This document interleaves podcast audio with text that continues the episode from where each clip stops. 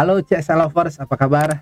Kembali lagi bersama saya Lucky Boy Purnomo dan kali ini saya kedatangan seorang sahabat saya yang waktu itu kita sempat belajar bareng kemudian menempuh uh, pendidikan untuk meraih gelar uh, CSA Certified Securities Analyst adalah waktu itu tahun 2012 sebagai angkatan pertama hadir di hadapan saya nih David Sutianto Apa kabar Mas Luki? kabar baik, Kabar baik.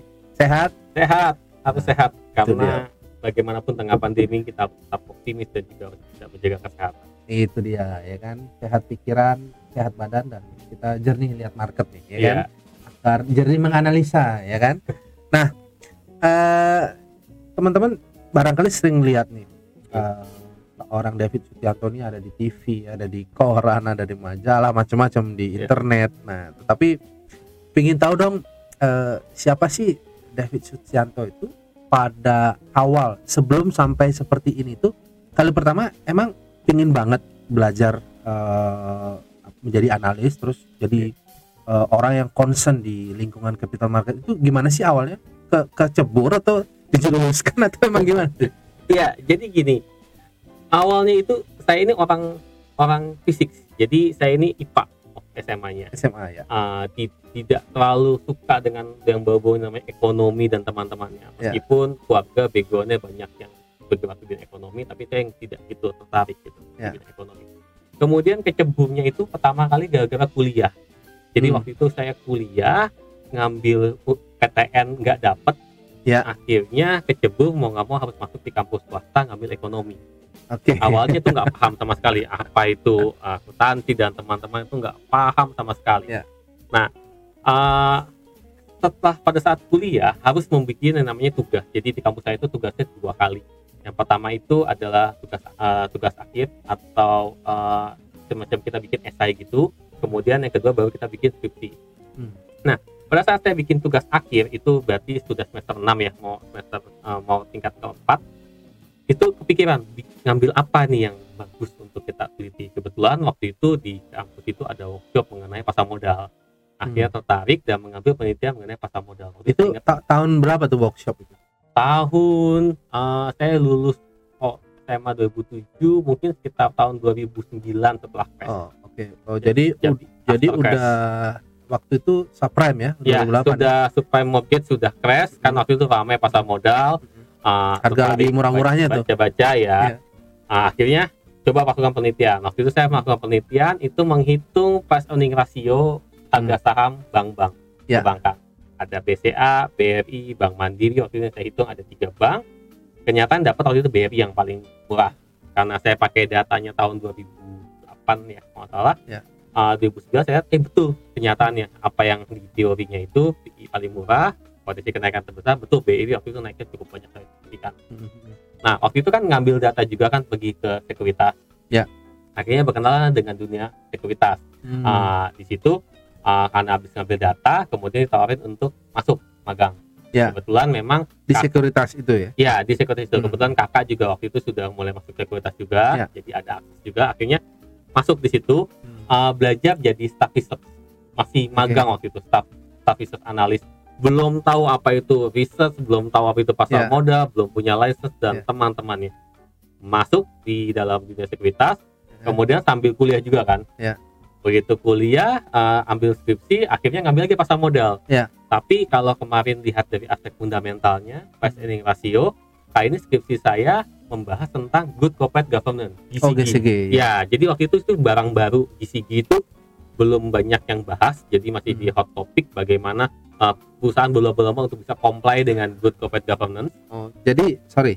Jadi eh, pas kuliah itu ada workshop pasar modal, Hmm. ikut. ikut Habis itu tertarik tertarik untuk Tertarik. penulisan tugas akhirnya itu sampai eh, akhir skripsi mengambil judul di lingkungan pasar modal yaitu good corporate governance. Betul. Jadi dua kali penelitian di pasar modal. Ya. Jadi waktu itu juga jadinya tuh bentuknya kayak kayak kayak skripsi. Jadi untuk jadi sarjana muda harus bikin paper juga, Hmm. dibikinin jurnal juga itu mengenai pas earning ratio. Nah, ya, sa- sambil itu magang juga.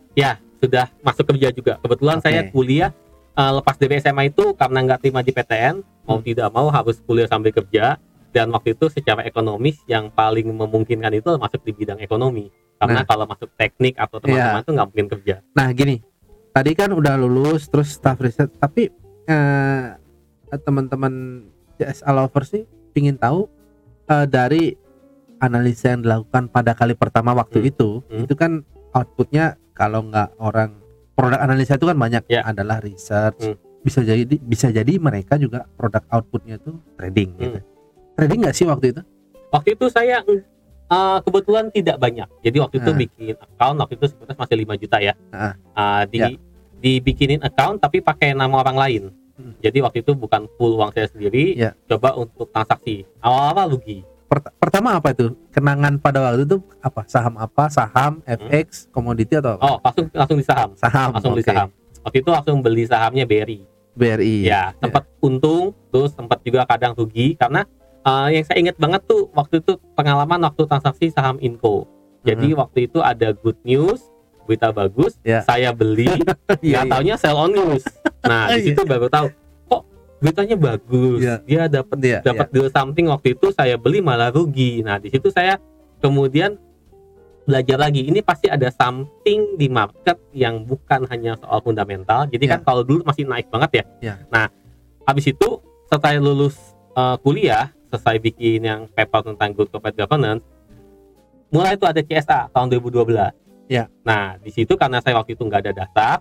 orang-orang di kantor juga ngajarin kan mereka juga sibuk ya ngajarin arahnya ke BPPE ngambil BPPE ngambil BPPE akhirnya saya ikut tuh CSA kebetulan waktu itu sudah lulus ambillah CSA pertama waktu itu Ya. di tahun 2012 Ya.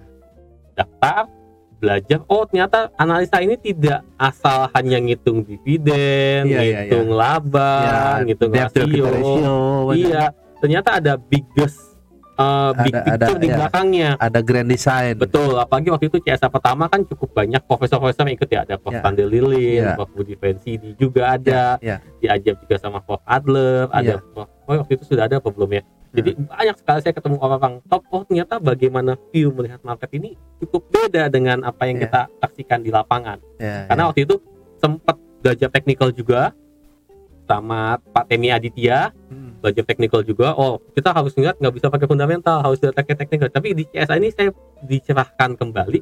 Ternyata dua-dua itu harus dikombin. Iya. Jadi Anda bisa punya fundamental bagus, tapi market timingnya salah, Hmm. ya dalam posisi jangka pendek tentu akan salah juga. Hmm. Jadi bagaimana di CSA itu, makanya saya suka CSA itu dia mengcombine antara Hmm. fundamental dengan teknikalnya itu sendiri. Nah, terus bisa sampai sekarang nih Hmm. uh, seorang David Sutianto itu yang menjadi wakil direktur CSA Institute. Hmm. Ya. Itu uh, sebelumnya tadi kan uh, cerita mengenai sampai kerja di Ya, institusi ya, Betul. sekuritas ya. Itu ber- berapa lama itu uh, rutinitas itu uh, apa research itu Hmm. dilakukan tuh apakah memang sudah lima tahun terakhir atau memang Jadi eh, saya masuk sekuritas itu tahun 2009 atau tahun 2010 ya. Ya. Ambil CSA itu tahun 2012. Ya. Dua tahun setelah itu. Kemudian eh, dari CSA ini kan saya kenal ada tokoh-tokoh hebat lah teman-teman kita semua ada Pak Hari Ajit, ada Pak Budi Pensidi, Ya. terus kemudian ada Pak Mas Andrew Agado, pokoknya orang top lah Pak Arya, Mas Luki juga. ya, Jadi Pak Alfati, pokoknya banyak tokoh-tokoh top pasar modal yang ketemu tuh kepikiran. Ya. Nah, waktu itu eh, bagaimana bisa sampai dipercaya di CSI Institute untuk bantu mengolah ini nggak salah sekitar tiga tahun yang lalu berarti tahun 2016-17an ya, waktu itu eh, CSA menawarkan karena saya sering banyak aktif ngajar di CSA juga eh, mau nggak untuk bantu untuk manage di CSA Institute? Akhirnya ya saya masuk dan di sini saya banyak untuk lihat di quality controlnya juga. Jadi Hmm. bagaimana eh, pendidikan yang dilakukan oleh CSA Institute ini bisa ses- sesuai dengan kebutuhan dari industri pasar modal sendiri Ya. dan juga di satu sisi eh, knowledge yang didapatkan atau skill yang didapatkan dari peserta itu juga mumpuni gitu Ya. untuk industrinya jadi itu yang yang saat ini saya kerjakan di CSA Institute ini saat ini nih kita Hmm. lihat nih ada baju CSA ya, Ya, ini register. ini PDH pakai dinas hariannya Iya. Nah di sebelah kanan itu ada logo nih Ah, teman-teman lihat nih. AEI. AAEI ini gimana sih? Kenapa ada dua logo ini? Itu ceritanya gimana tuh? Jadi CSA itu sendiri itu merupakan lembaga institusi yang mengajarkan program Certified Security Analyst. Ya. Nah, AAI sendiri adalah Asosiasi Analis Efek, yaitu adalah lembaga atau wadah yang menaungi para analis-analis. Jadi, setiap lulusan dari CSA Institute Ya. ya yang sudah kompeten itu akan otomatis menjadi Member. anggota dari Asosiasi Analis Efek. Hmm. Di mana Asosiasi Analis Efek itu sudah berdiri, juga sudah cukup lama Hmm. uh, dan mereka menjadi wadah bagi para analis untuk di antaranya mengatur kode etik, kemudian juga menyuarakan jika terjadi katakanlah ada analis yang dispute dan teman-temannya, terus kemudian uh, menjadi sarana juga bagi uh, para analis untuk menyuarakan pendapatnya mengenai pasar modal. Hmm. Nah itu wadahnya di situ sebagai asosiasi wadahnya ada di sana. Tapi eh, partisipan itu bisa daftar eh, AAI Hmm. eh, tanpa harus ambil CSA atau gimana anjurannya? Ya, jadi kan gini, ini kan wadahnya kumpulnya teman-teman para analis, Ya. analis. eh, jadi biasanya sih masuknya itu gerbang masuknya itu adalah dari lulusan CSA. Tapi Oh. kami juga membuka juga bagi teman-teman yang, Yang mungkin ingin gabung belum AAI. ingin gabung ke AE dan memang profesinya sebagai analis, Ya. ya itu feel free untuk gabung gitu ke, ke kami. Karena eh, visi dan misi dari AE adalah untuk bagaimana analis-analis ini bisa membangun pasar modal yang lebih baik. Ya, ya, ya. Jadi kita melihat aspirasi kita. Jadi kan saat ini terutama konsul kita saat ini orang hanya dengan belajar sedikit saja uh, trial dan error langsung uh, ini begini ini begini Publish. langsung publish padahal tidak ti- tidak tidak se Tidak segamblang itu Ya. dalam dunia analisa tidak gitu. sepolos itulah Betul. plan vanilla. betul karena kayak saya dulu waktu baru lulus kuliah oh fundamental bagus is oke oh ini info ada kabar Ya. bagus is oke kita Ya. buying nggak taunya kita salah di market timing dan teman-temannya nah itu yang Ya. yang seorang analis harusnya harus kuasai uh, dua hal itu jadi baik dari analisa fundamental maupun dari analisa teknikal Mhm. Nah itu kan masa kini seorang David Sustianto itu Hmm. eh, apa sih tentu ada seorang yang telah memiliki sertifikasi itu digunakan oleh pengguna jasa Hmm. Yang memiliki sertifikasi eh, sebagai pihak yang memberikan jasa atas eh, posisinya gitu. Ya.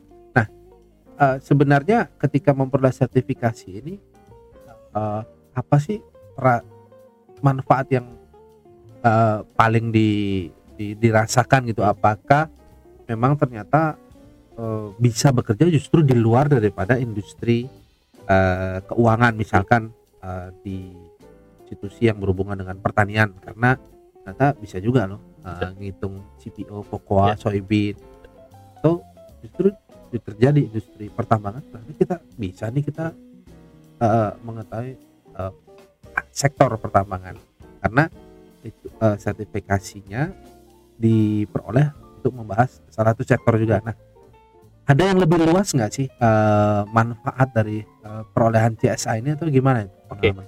jadi gini di analis itu sendiri sebenarnya banyak yang menganggap profesi analis ini merupakan stepping stone atau Ya. batu pijakan Ya. untuk apa untuk meloncat ke posisi yang lebih tinggi Ya. atau mencari pengalaman eh, atau banyak hal jadi ini merupakan pintu masuk sebenarnya analis ini kenapa saya bilang pintu masuk karena gini di dunia analis ini kita akan belajar banyak sektor Ya. apalagi kalau misalnya kerja di sekuritas yang sudah bagi per sektor atau yang masih kecil dan Ya. belum bagi per sektor itu akan banyak sekali mengetahui seluk beluk bisnis Hmm. jadi menjadi seorang analis adalah bagaimana kita understanding the bisnisnya dulu. Ya. Jadi kita harus paham bisnisnya. Seperti misalnya pengalaman saya. Dulu waktu tahun 2012 saya CSA, itu saya paham banget dulu bagaimana batu bara itu bekerja. How it work, bagaimana mereka layer by layer, ngambil core-nya, ngitung kalorinya, ngitung sulfur dan teman-teman. Itu saya paham sekali. Hmm. Mana batu bara yang bagus, spesifikasi untuk mesin dan segala macamnya. Cooking kalau- coal apa? Iya, betul. Cooking call dan teman-teman itu saya paham sekali. Ya. Tapi pada saat saya selesai mempelajari dan jadi master di bidang tambang, Ya. kenyataannya harga komoditas melorot. Ya. Saya rekomendasi saham tambang pun percuma. Saya tahu ini tambang bagus, Ya. bahkan produksinya bagus, tapi Ya, harganya rendah. ada. Iya, ha- harganya rendah kan harga sahamnya pun turun. Sehingga PI saham-saham tambang waktu itu sempat semuanya di bawah 10. Itu di PI di bawah 10 itu murah sekali. Nggak ada yang lirik, nggak ada yang beli. Nah, kemudian akhirnya saya beralih. Oke, tambang sudah nih. Nah, Hmm. waktu itu CPO mulai naik daun. Ya. Mulai booming tahun 2012-13 CPO mulai booming. Hmm. Akhirnya saya beralih. Oke, saya belum nih lagi CPO. Bagaimana mempelajari umur tanaman, umur produktif maksimalnya. Ya. Oh, kalau perusahaan A ini ternyata tanamannya banyak tapi sudah tua, harus Hmm. replanting, produktivitas dia tinggi. Yang ini memang kebunnya masih baru belum beroperasi tapi ke depan bisa operasinya bu booming dan segala macam belum lagi kita belajar mengenai weather cuaca ada lanina mereka punya Ya. Pasokan bisa turun dan teman-temannya itu kita belajar lagi jadi kalau misalnya kita bicara mengenai analisa apalagi knowledge mengenai analis dari CSA maupun RSA ini akan dipakai di banyak tempat Hmm. banyak sekali rekan-rekan sejawat saya yang tadinya menjadi analis di pasar modal akhirnya itu pindah ke Pindah. berbagai macam sektor Iya, banyak yang ada dapen, ada ke sektor Betul. pertanian. itu masih mending kalau financial relate jadi masih di asuransi atau Ya, di perbankan Dapen, atau di PI private equity tapi banyak juga yang ke sektor-sektor real Ya. ya ada yang masuk ke emiten yang menjadi corporate secretary kemudian menjadi investor relation jadi dia tahu bagaimana kita mikir saham dia bagus apa enggak nah Ya. itu bisa apa ke sana Tapi untuk dapat CSA ini eh, ada program sebelumnya, ada RSA. Ya. Atau memang langsung bisa bypass atau gimana? Bagi eh, viewers yang ingin tahu, Hmm. itu gimana sih langkahnya? Apakah kita harus ngerti banget Hmm. market, ataukah kita bisa langsung datang aja karena kita ingin terjun ke dunia ini? Itu gimana? Jadi awalnya ini sejarahnya dulu tuh hanya ada CSA, Certified Security Analyst. Ya. Nah, akan itu untuk orang-orang yang sudah punya pengalaman di dalam bidang analisa efek, kemudian juga pendidikannya mungkin uh, minimal S2 waktu itu ditentukan ya. Hmm. Saya waktu itu bisa masuk karena saya S1 dan sudah pengalaman lebih dari dua tahun menjadi Hmm. analis efek uh, kerja di sekuritas. Nah, tapi kita sadar kita nggak bisa bikin ini eksklusif untuk teman-teman yang, Yang memang bermain di situ saja. Oh. Jadi akhirnya diputuskanlah kita harus bikin stepping stone di bawahnya itu untuk orang-orang yang fresh graduate atau bahkan kalau kita kerjasama dengan kampus yang belum lulus pun masih di tingkat akhir bisa ngambil yang namanya uh, RSA Register Securities Analyst Sebentar, sebentar. Berarti belum lulus boleh. asal kerjasama dengan kampusnya jadi kita Ah, ada oke. kerjasama dengan bapak kampus jadi begitu dia lulus bundling dia dapat RSA dia dapat gelar S1 nya Hmm. Nah, Oke. akhirnya kita bikin yang namanya RSA. RSA ini Ya. apa? Ini untuk filter untuk batu pijakan awal bagi orang-orang yang belum Ya. punya no, belum punya experience di pasar modal atau mungkin pendidikannya tidak relate bahkan ke pasar modal, tapi ingin belajar mengenai analisa dan teman-temannya. Ini ada di RSA. Jadi Hmm. kita bukan ini. Nah, bisa nggak tiba-tiba kita saya nggak mau RSA dulu Pak langsung CSA? Bisa saja. Tapi syaratnya tentu akan lebih sulit.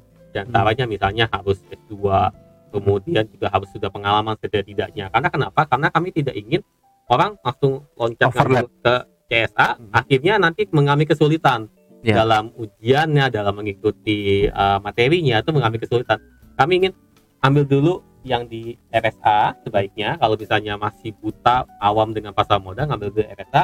Nanti kalau sudah lulus baru lanjutkan ke CSA. Nah, itu eh, partisipan saat ini memang memang harus dari sebutlah orang yang memang ada di bidang keuangan atau sebenarnya siapa pun kita memulai dari RSA sebutlah dari fakultas mungkin rela, rel- related ya ke ekonomi gitu nah, apakah teknik mesin atau Ya. itu bisa Contohnya, ya. di- Jadi kalau RSA ini e- e- everyone can masuk. Jadi Ah, oke. siapa pun bisa apply. Jadi baik can nanti be join Ya. Um, pendidikan nanti teknik kah, Iya. atau katakanlah dia baru lulus S1 belum punya Iya. pengalaman di pasar modal atau mungkin lulusan dari uh, misalnya um- ilmu komunikasi tapi sudah kerja di sekuritas ini sebaiknya ngambil di RSA dulu ini Oh, stepping RSA, awalnya karena di sini di RSA kita ajarkan benar-benar dari awal Ya. bagaimana uh, pengetahuan mengenai efek kemudian view bagaimana kita melihat view market Ya. bagaimana kita understanding uh, how economic works karena itu Hmm. penting banyak orang yang mungkin paham paham ekonomi tapi nggak paham bagaimana siklus ekonomi itu bisa Ya, bisa bisa bekerja. Jadi bagaimana transaksi antara insan-insan individu-individu bisa menggerakkan perekonomian sebuah Supply negara side, demand dan- side. ya. nah itu itu itu penting sekali untuk untuk diketahui. Karena kenapa? Tanpa itu semua kita nggak bisa bisa tahu uh, bagaimana cara kita melihat pasar. Misalnya seperti kondisi uh, pandemi seperti ini. Hmm. apakah ada peluang? Hmm. Apakah semuanya jelek? Nah itu yang harus kita pelajari itu bisa kita ketahui gitu. Dengan Hmm. cara kita paham bagaimana ekonomi itu bisa bekerja. Itu RSA programnya berapa lama ataukah eh, ada temporary atau gimana? Jadi kita ada batch batchnya sih. Jadi Hmm. uh, satu batch gitu tergantung sessionnya. Kalau misalnya setiap Sabtu Minggu itu sekitar 6 sampai 8 kali pertemuan. Oke. jadi tergantung tergantung batchingnya. Uh, kalau CSA itu lebih lebih banyak pertemuan bisa sampai 10 sampai 12 kali pertemuan dan untuk unit kompetensinya pun beda. Jadi ini kan kita semua standar BNSP ya. Oh, on behalf BNSP. Betul. RSA dan CSA ini on behalf Ya, BNSP. ya. Kenapa kita behalf ke BNSP? Karena ini sertifikasi untuk profesi, untuk Ya, pekerjaan. bagus banget ini memang Iya, sangat dibutuhkan. betul. Uh, di BNSP sendiri kalau untuk uh, RSA ini hanya sekitar 8 unit kompetensi, sedangkan yang di uh, CSA ini sekitar 12 unit kompetensi. Oh, eh, RSA ada berapa? 8. Ya. Nah, Ya, CSA ada 12. unit kompetensi. Itu sekarang kan eh, apakah eh, penyelenggara saat ini untuk Hmm. sertifikasi pasar eh, ya sejenis ini hanyalah eh, CSA Institute atau ada be- beberapa banyak lembaga yang Nah. perasaan ada yang eh, risk management ya, ada risk management, Jadi eh, gini, wealth management atau course untuk RSA dan CSA sendiri Ya. tidak hanya diselenggarakan oleh CSA Institute, Ya. Akan tapi CSA Institute merupakan pionir dan lembaga pertama yang Hmm. menyelenggarakan course untuk RSA dan CSA. Ya. Karena kami juga buka juga untuk kerjasama dengan kampus. Jadi Ya. misalnya ada di beberapa kampus kayak bisa di Trisakti itu sudah ada di Sakti eh, yang uh, si, si Trisaktinya, SM-nya itu itu sudah ada untuk program RSA-nya. Jadi dia bundling dengan kuliahnya. Nanti kemudian nanti dia banding dengan eh, RSA-nya. Jadi nanti tinggal uji kompetensi juga. Nah, jadi sebenarnya orang mengambil gel- uh, mengambil satu gelar sertifikasi atau uh, untuk menjadi certified holder itu ada beberapa Hmm. ya yang paling yang paling yang paling jelas itu kita bisa lihat dua. Hmm. Apakah setelah memperoleh gelar itu ingin menjadi analis Hmm. ataukah ingin menjadi trader atau memang langsung ingin jadi uh, pelaku transaksi apakah jadi investor atau trader gitu. Hmm. Menurut uh, pandangan seorang David Tantio itu apakah memang uh, sertifikasi ini digunakan hanya untuk kerja karena pada kenyataannya ada juga orang yang punya gelar Ada. tapi nggak kerja. Ya. Ada itu itu gimana tuh? Jadi kemarin fenomena itu? Uh, saya kan banyak menguji orang beberapa waktu belakangan ini ya untuk ngambil RSA maupun CSA. Ya. Memang banyak orang-orang yang hanya ingin dapat knowledge-nya saja. Oke. Jadi memang mereka tidak ingin berkarir di pasar modal, Ya. mereka tidak ingin berkarir di saham, tapi mereka butuh knowledge-nya, mereka butuh pengetahuannya.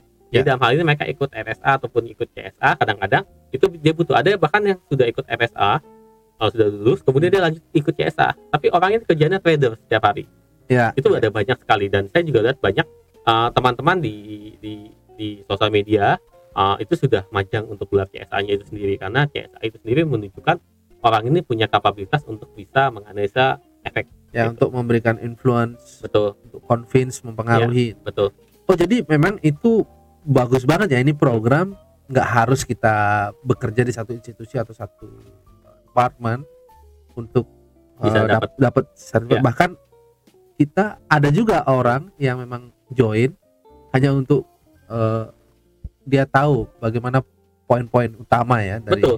Dan bahkan untuk bagi fresh graduate sertifikasi ini menjadi hal yang mutlak saat ini.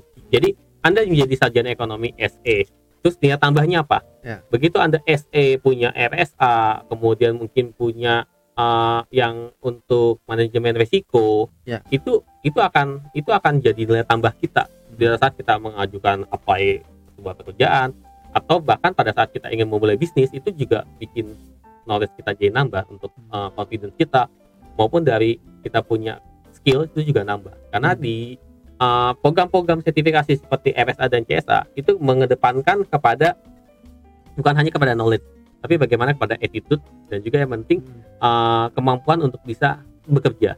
Ya. Jadi ending dari program RSA dan CSA ini adalah bagaimana kita bisa apply to work. Jadi katakanlah di kampus kita belajar nih mengenai teori ekonomi, Ya. supply dan demand dan segala macamnya. Hmm. Tapi aplikasi di nyatanya itu di CSA dan RSA yang ajarkan. Jadi bagaimana kita melihat inflasi, bagaimana kita melihat pertumbuhan ekonomi, bagaimana kita melihat sebuah industri atau sektor sedang booming atau tidak, itu Ya. kita belajar di RSA dan CSA ini. Nah, bicara masalah ending ya, ada pertanyaan nih. Emang pasti lulus. Hmm.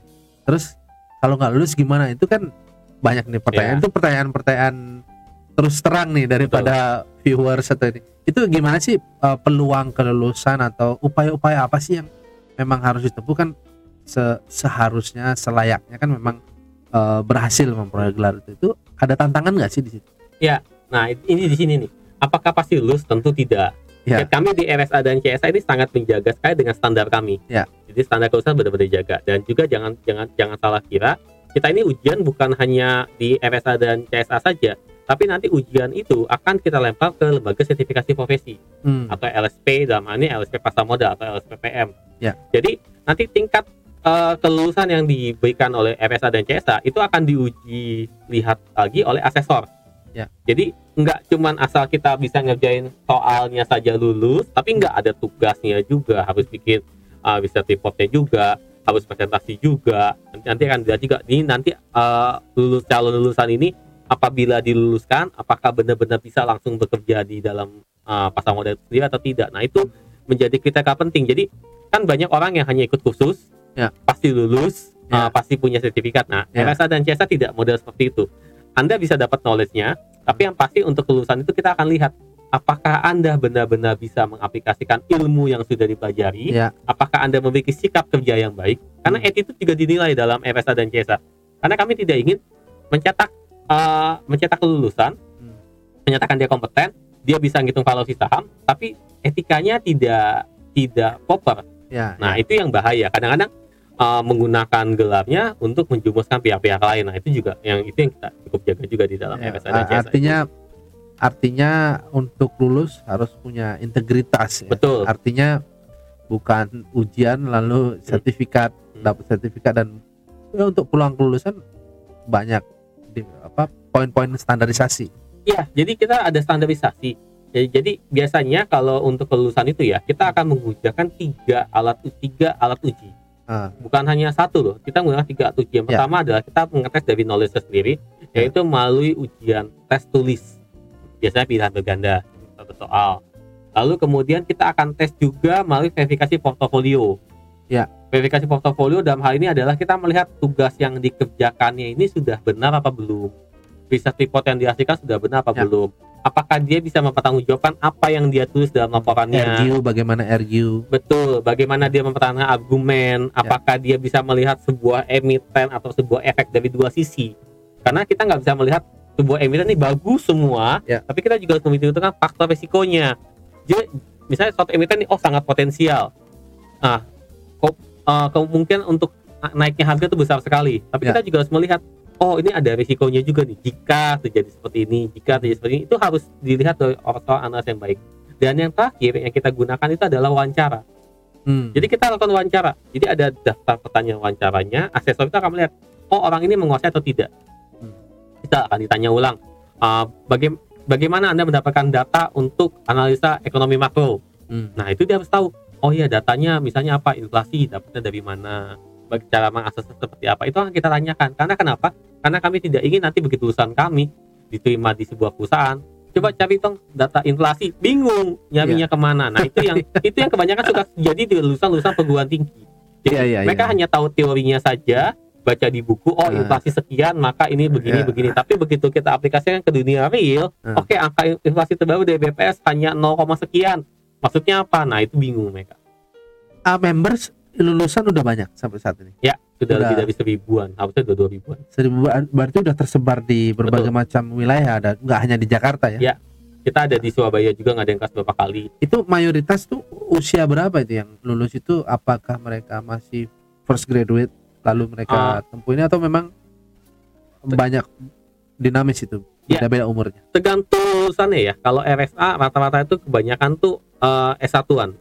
Jadi Hmm. baru lulus ngambil RSA atau bahkan ada banding dengan program kampusnya ngambil Ya. RSA. Ya. Eh, sedangkan kalau CSA biasanya akan akan lebih matang karena biasanya mereka butuh pengalaman atau biasanya orang-orang yang udah lulus RSA Ya. Hmm. ya lanjutkan lagi ke CSA. Hmm. Nah, jadi ini ada dua ada dua pihak. Nah, kita harapan kita adalah dengan RSA saya sudah cukup bisa diterima di eh, sekuritas, tempat pekerjaan dan segala macamnya. Ah, untuk CSA ini akan lebih lebih eksklusif lagi karena biasanya ah, sekarang lulus RSA dulu baru CSA bisa juga langsung ke CSA asalkan persyaratannya bisa memenuhi. Kalau persyaratannya be- ya, kita rasa belum bisa memenuhi maka nanti akan kita sarankan ke RSA dulu gitu. Meskipun ah, biasanya kalau misalnya kita agak ragu kita bisa lakukan pretest. Jadi sebelum Matrikulasi ya. Ya, jadi sebelum ngambil eh, course untuk CSA-nya, Ya. kita tes dulu. Kalau dari tesnya hasilnya oke, Bisa maka langsung bypass bisa ke langsung bypass CSA. ke CSA-nya gitu. Oh. Oh, artinya gini.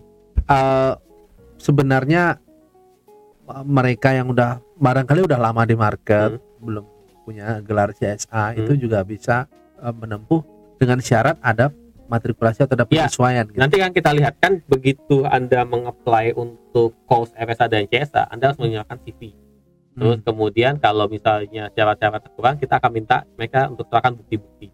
Jadi karena ini basisnya adalah kompetensi, jadi khusus ini basisnya adalah kompetensi. Kompetensi itu adalah kemampuan. Ya. Jadi kita akan melihat Pak Luki misalnya Ya.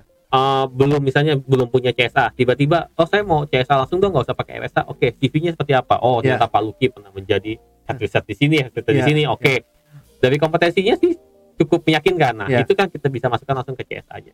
Ah, oke oke. Jadi bagi teman-teman nih eh, yang ingin mengikuti program ini, eh, kumpulkan nih CV dengan aktivitas Ya, ya, betul. kan, dengan prestasi, Betul.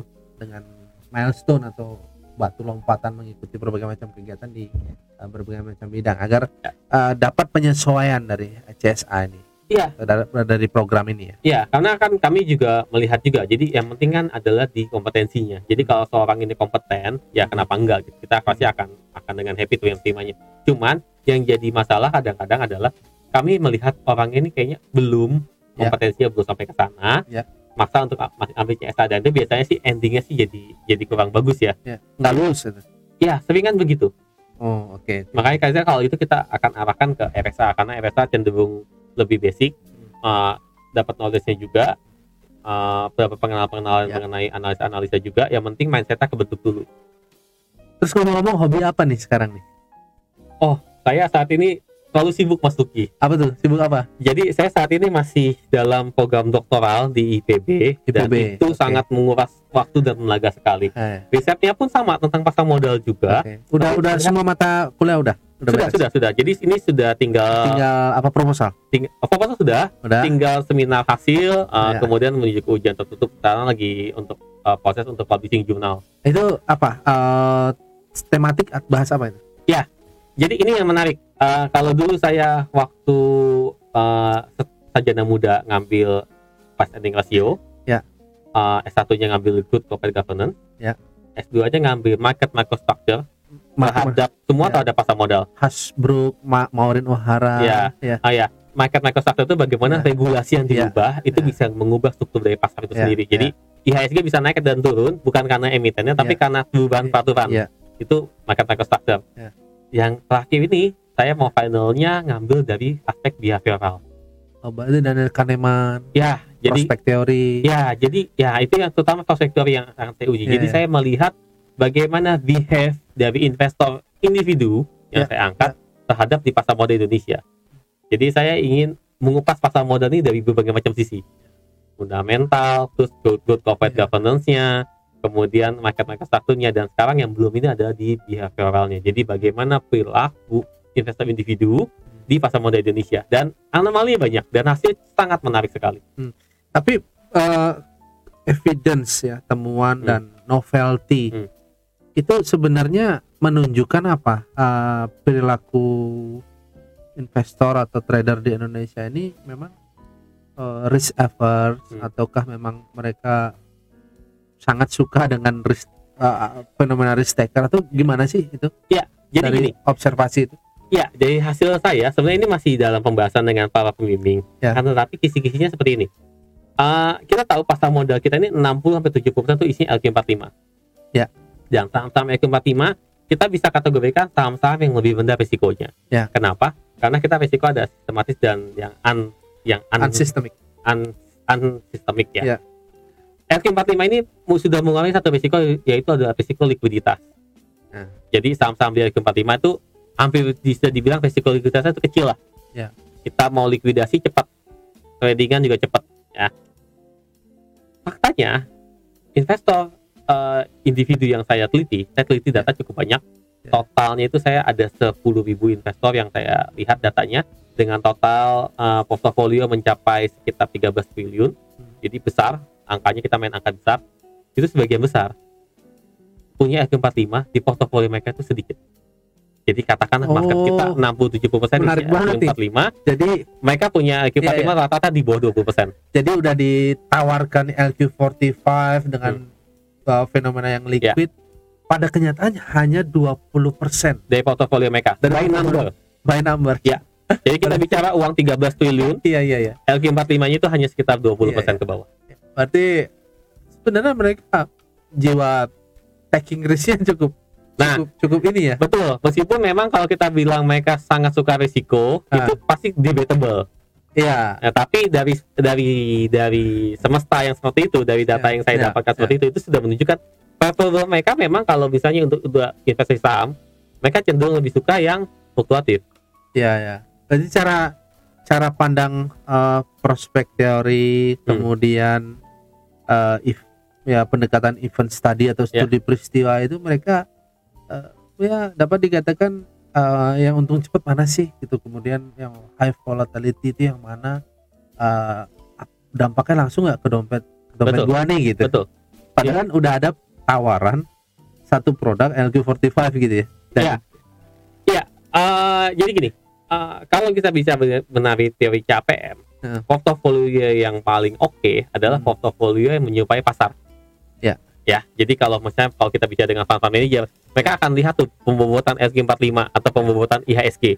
mirroring. Makin makin besar bobotnya, makin besar mereka tahu posisi di situ kan. Ya. Jadi mereka akan sesuaiin sama dengan IHSG. Tujuan fund yang baik kan seperti itu. Ya. Jadi dulu pernah ada fenomena HM, HMSP. Ya. HMSP itu likuiditasnya tidak terlalu tinggi waktu itu tapi pembobotannya besar. Ya. Di dalam IHSG maupun EQ45 akhirnya fund kan guru harganya. Ya. Dibeli supaya dia balancing lagi. Ya. Nah, itu yang rasional. Kenyataan investor individu tidak begitu. Ya. Ya. Jadi penelitian saya ini artinya akan melengkapi penelitian juga yang telah dilakukan oleh Prof Budi Fensidi. Ya, Jadi Prof Budi karena Fensidi behavior ya behavioral dia Ya. sudah mendapatkan kalau investor di Indonesia ini tidak melakukan diversifikasi dengan baik. ya itu itu final dari disertasi dia itu itu. Dia, melakukan- dia melakukan dis- eh, diversifikasi yang baik. Saya nanti akan melengkapi hasil itu. Jadi investor individu Indonesia hasilnya seperti apa nanti finalnya nanti karena sedang pembahasan nanti akan melengkapi hasil dari Prof Budi ini. Jadi ini menarik memang. Jadi investor individu kita memang ya seperti itu. Ya.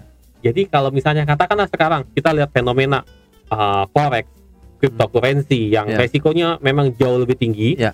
tapi dengan potensial gain yang memang jauh lebih tinggi. Hmm. Jadi kan uh, high risk high return. Ya. Jadi kalau returnnya bisa sampai berkali-kali lipat, ya resiko ruginya kan juga bisa sampai habis Hmm. semua. Hmm. Itu mereka pasti akan suka dengan Iya, model iya, seperti iya, itu. iya.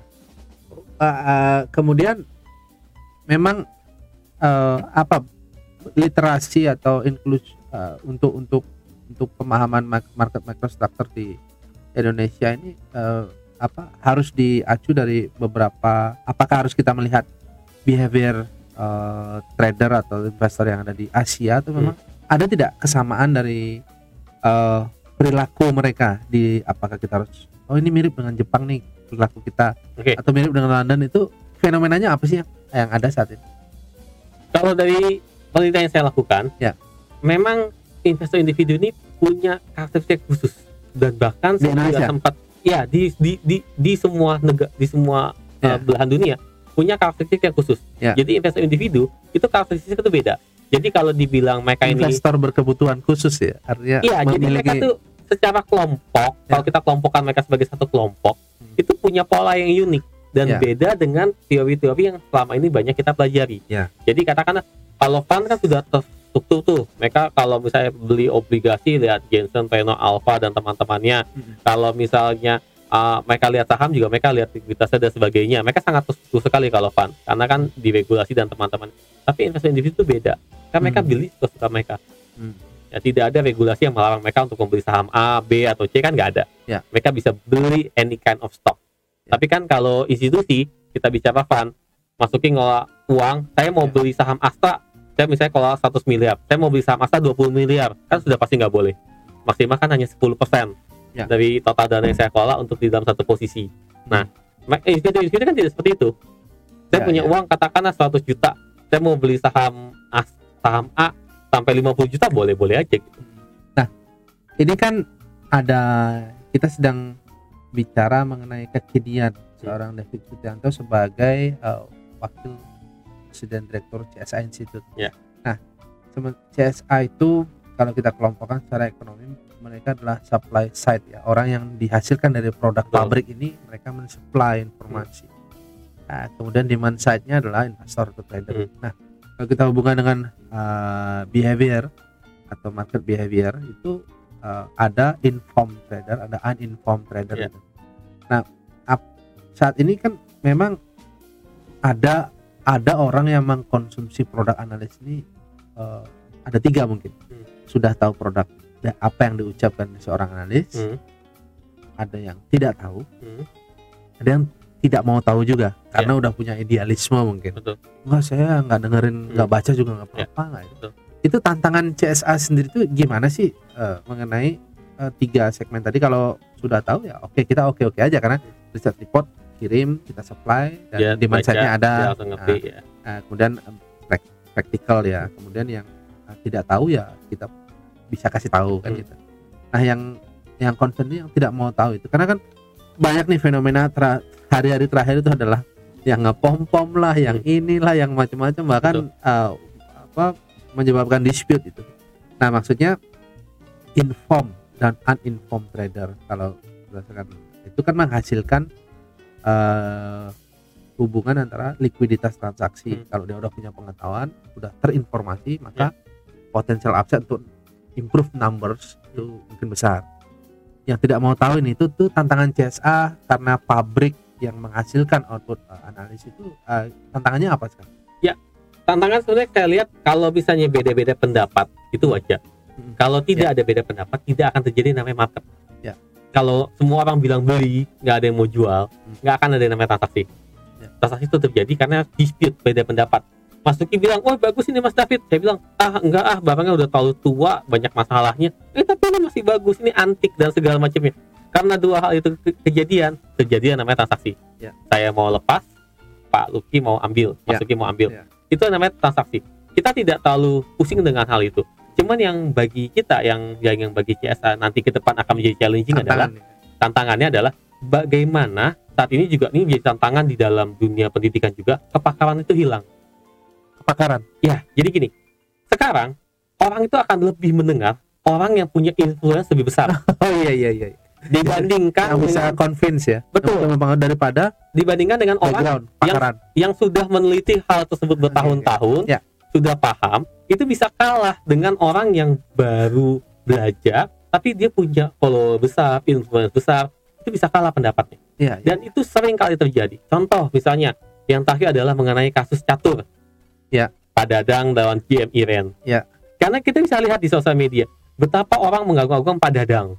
Ya. Padahal track recordnya juga belum tahu, baru tahu mungkin baru kenal satu dua hari atau satu dua pekan dari sosmed dan segala macamnya dibandingkan dengan GM Iren yang dari umur 4 tahun aja udah main catur dan sudah melalang buana main catur dan sudah banyak pialanya itu bisa orang bisa mendukung Pak Dadang. Ya. Nah, ini yang semua orang mengkhawatirkan, terutama saya ya di dalam dunia pendidikan juga ya. Kepakaran ini bisa hilang. Hmm. Bisa jadi seorang analis atau investor kawakan yang sudah paham pasar modal bilang, "Oh, ini pasar ini nggak sehat atau pasar ini lagi akan bullish." Bisa kalah dengan orang yang oh udah nih jatuh jatuh jatuh jual jual jual. Nah, itu Iya. sering kali terjadi. Dan followernya banyak. Betul, dan itu salah satu concern terbesarnya kita. Bagaimana saat ini kita merasionalkan masyarakat. Ya. Kalau misalnya so, untuk mencapai mengetahui sebuah ilmu knowledge itu itu tidak mudah loh. Untuk Ya. lulus CSA aja nggak mudah loh Iya iya iya. iya. progresnya loh. Jadi jadi ini yang ini yang ini yang sedang kita yang sedang kita pikirkan. Karena ini menjadi masalah bukan hanya di pasar modal atau di CSA, tapi di hampir semua bidang ilmu. Hmm. Bayangkan uh, profesor bisa didebat sama orang yang mungkin nggak jelas pendidikan dan segala itu kejadian. Contoh paling paling fenomena paling paling kentarannya kalau misalnya kita kan uh, CSA merupakan lembaga pendidikan ya, Ya. kita ngobrol juga dengan teman-teman yang lain. Hmm. Itu ya contoh kasus catur itu tadi. Ya. Bagaimana seorang yang sudah main catur puluhan tahun Hmm. bisa kalah dengan orang yang baru dua minggu yang lalu kita tahu. Ya. Nah itu itu itu masalah masalah yang cukup pelik. Dan satu hal lagi khusus bagi dunia finansial Ya. saat ini era disrupsi. Ya. Bagaimana kan CSA ini ujung-ujungnya adalah bagaimana kita memvaluasi sebuah perusahaan atau sebuah efek. Hmm. Misalnya di sini ada perusahaan nih. Mas Luki bilang, "Oh, ini 10 juta. Bagus sih Mas David." Saya bilang, Hmm. "Oh, enggak, Pak Mas Luki. Ini nih bisa naik jadi 50 juta." Ya. Ada dispute di sana. Saat ini dispute itu semakin besar dengan munculnya adalah startup. Ya. Bagaimana dengan metode valuasi startup yang sangat berbeda dengan metode valuasi yang konvensional? Katakanlah kalau perusahaan konvensional saat ini kita bicara PI. PI ini IHSG kisaran 15 sampai 30 kali. Ya, kita tahu PI Unilever pernah di kisaran 50 kali. Itu termasuk kita bilang mahal. Tapi ada juga bilang wajar. Oh, wajar Unilever perusahaan bagus dan segala macamnya. Nah, sekarang kita bicara dengan startup, mereka ngambil valuasi itu bukan dari earning loh, bukan dari laba besi Oh ya, dari apa tuh? tapi kadang-kadang dari pendapatan bahkan kadang-kadang kalau misalnya perusahaan-perusahaan startup marketplace ya itu dari gross merchandise value Hmm. gross merchandise value adalah berapa jumlah transaksi yang di generate di marketplace tersebut Oh, jadi dasar ini fenomena analisa ya, Iya. fenomena analisa yang dulunya Hmm. sangat memprioritaskan parameter apakah itu debt to equity ratio, apakah price book value, Ya, kemudian price earning ratio dan sebagainya. Ternyata dengan perkembangan zaman ada cara baru gitu. Hmm. Dan itu diakomodir nggak oleh uh, CSA untuk di diberi- diberikan Iya. sebagai literasi bahwa yang lulus uh, CSA ini nanti bisa loh kalau ke depan ada IPO uh, Startup. Itu sudah masuk dalam coverage analisa silabus gitu. betul Ah, di aja kita berikan meskipun belum tahu dalam ya karena satu ada beberapa kendala kita alami yang pertama adalah metodenya belum baku Ya. metode belum baku jadi beda venture Ma. capital Ya. beda cara untuk melihat sebuah startup itu sendiri Ya. jadi beda visi bisa beda Ya. dan ah, valuasi sendiri sangat bias jadi kadang-kadang baru saja disuntik katakanlah ini dia 10 juta dolar terus tiba-tiba loss besar loss besar loss besar nilainya bisa langsung berubah jadi satu juta jadi satu juta dolar Hmm. Nah itu itu sering-sering terjadi kita lihat. Contoh yang paling kasar, yang paling terkenal itu Airbnb. Airbnb. Airbnb kan mbak, eh eh, bukan Airbnb apa? WeWork, sorry, WeWork. Uh, itu WeWork. working space. Ya, working space, WeWork. WeWork Ah. itu kan pernah sampai besar sekali untuk Iya, valuasinya. zaman ya, itu Du- SoftBank ya. Soft- Ya, SoftBank masuk, dia beli mahal sekali, Iya. terus kemudian tahu-tahu nilainya anjlok. Nah, itu kan bisa bisa kejadian. Dan contoh misalnya kayak GMV, ini menarik nih. Karena ke depan banyak startup yang IPO nih. Banyak banyak. Ya, jadi Banyak. gimana? GMP gimana? Jadi misalnya ini marketplace saat ini. Ya. Marketplace itu, jadi kan kalau dulu, kalau zaman dulu sebelum misalnya ada modal menciptakan valuasi, Ya. bagaimana kita mengukur kekayaan sebuah perusahaan itu Ya. dari asetnya? Ya. Ya. Pak Luki punya apa? Punya mobil, punya Ya, rumah, kita ah, hitung tanah, asetnya. ya, tanah, Nah, tanah dan segala macam. Nah, kalau sekarang kita ngitung dari oh Pak Luki net profitnya berapa tahun? Kita kalikan namanya mungkin mid price earning ratio. Oh, kalau profitnya setahun 100 juta, generate uh, dari pendapatan dari pengeluaran, Ya. oh, berarti kekayaan Pak Luki ini kira-kira 100 dikali 10 misalnya, di Ya. 10 kali. Berarti sekitar 1 miliar. Ya. Nah, kalau sekarang kita bicara misalnya marketplace itu pakai gross merchandise value. Jadi adalah berapa banyak transaksi yang di generate di marketplace itu, Ya. Itulah nilainya nanti dikali. Jadi Oke. bayangkan, kalau price earning ratio itu berapa laba yang didapatkan dari marketplace itu. Saya kalau Lucky punya marketplace, ya itu adalah marketplace. Cesa itu tuh labanya setahun hanya 100 juta. Oh, Oke, berarti nilai Cesa itu tuh 100 juta dikalikan dengan 10 kali. Berarti nilainya hanya 1 miliar. Itu dihitung pakai standar PI. Nah, pendapatan Cesa itu kan kalau labanya 100 juta kan nggak mungkin 100 juta dong pendapatan dong. Pendapatannya katakan 1 miliar. Oke, kalau kita ngitung pendapatan dikali 10, itu berarti nilainya adalah 10 miliar. Ya. Nah, ini udah beda. Nah, GMP itu beda lagi. GMP itu adalah berapa total transaksi yang ada di dalam CSA itu.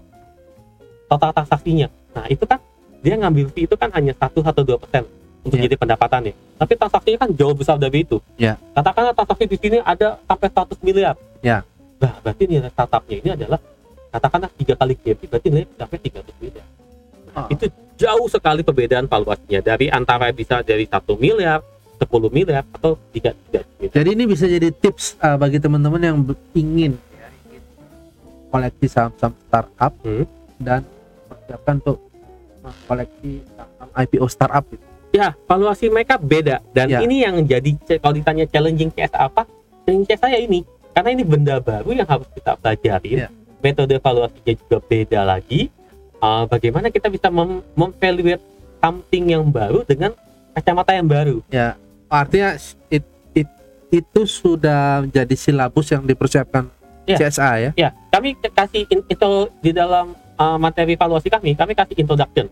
Bagaimana cara orang yang pada umumnya memvaluasi startup. Meskipun sekarang valuasi jauh lebih berkembang lagi. Katakanlah dulu uh, kalau website tuh price per click. Jadi website Ya. ini berapa banyak Ah, dikunjungin orang. pay per click ya Ya, pay, pay per click. Ya. Nah, terus kemudian kadang-kadang kalau aplikasi handphone, eh, Itu- user ya nah dia lihat screen time. Ya. Screen time sama jumlah login harian. Ya. Makanya kalau masuki main game itu pasti ada daily login. Jadi masuki harus login, Ya. terus kemudian dapat bonus Ah, setiap kali dia- login. dia dihitung dari situ ya Dihitung dari situ. Terus kemudian dia ada screen time. That's why makanya UI itu kadang-kadang dirancang exit itu agak sedikit lebih susah. Ya. ada beberapa game bahkan nggak punya tombol exit. Nah, itu itu dirancang supaya orang selama mungkin buka aplikasinya. Ya, dan ada di ada di screen itu ada Betul. di- Jadi nanti dihitung berdasarkan screen time. Jadi banyak hal-hal yang menjadi mata uang baru Ya. yang menjadi cara kita melihat ah, perusahaan, startup atau aplikasi atau teman-teman itu di dalam time in a new way. Dan ini menjadi challenging bagi anak-anak seperti kami. Karena nanti kan once mereka masuk ke dalam bursa, kita kan harus bisa memvaluate mereka dengan baik. Ya. Kira-kira harga segini udah wajar apa belum? Kalau dengan metode-metode konvensional yang selama ini kita pakai, Ya. bayangkan kalau kita pakai dividen di, eh, discount method DDM, nggak bisa. Mereka tidak bagi dividen. Ya. Kalau kita pakai cash flow analysis eh, DCF, discounted cash flow, mereka nggak bisa. Kenapa? Karena cash flow-nya masih postur postur pen, postur harusnya juga beda ya dan cash flow-nya masih minus. Ya. Jadi kalau kita pakai earning masih rugi. Ya. Kalau pakai cash flow, cash flow masih minus. Tapi nilainya naik terus. nah, ini yang harus kita berpikir ulang. Jadi ya mereka nggak bisa pakai PE PBB tentu sudah tidak tidak mungkin bisa masuk di mereka pakai DCF pun juga nggak bisa Ya. makanya kenapa kalau kita lihat startup-startup besar saat ini sebagian besar pasti masih rugi jadi menarik banget nih uh, SA Institute karena selalu beradaptasi dengan fenomena-fenomena kekinian. Nah, ini rasanya satu episode juga kita nggak cukup. Rasanya ada episode berikutnya nih kita bahas mengenai hal-hal uh, yang terbaru atau yang uh, terkini mengenai teknik-teknik analisa karena uh, saya menemukan di sini ada satu metode adaptasi atau Hmm. new normal terhadap pendekatan analisis karena industri juga berkembang betul startup. Jadi um, ikuti terus uh, akan bahas topik-topik yang menarik dan uh, jangan lupa nanti baca keterangan di deskripsi mengenai CSA itu dan ikuti terus ya. uh, kami. Terima kasih. Saya Lucky Bayu Purnomo dan David Sutianto oke sampai jumpa pada episode berikutnya. Terima kasih.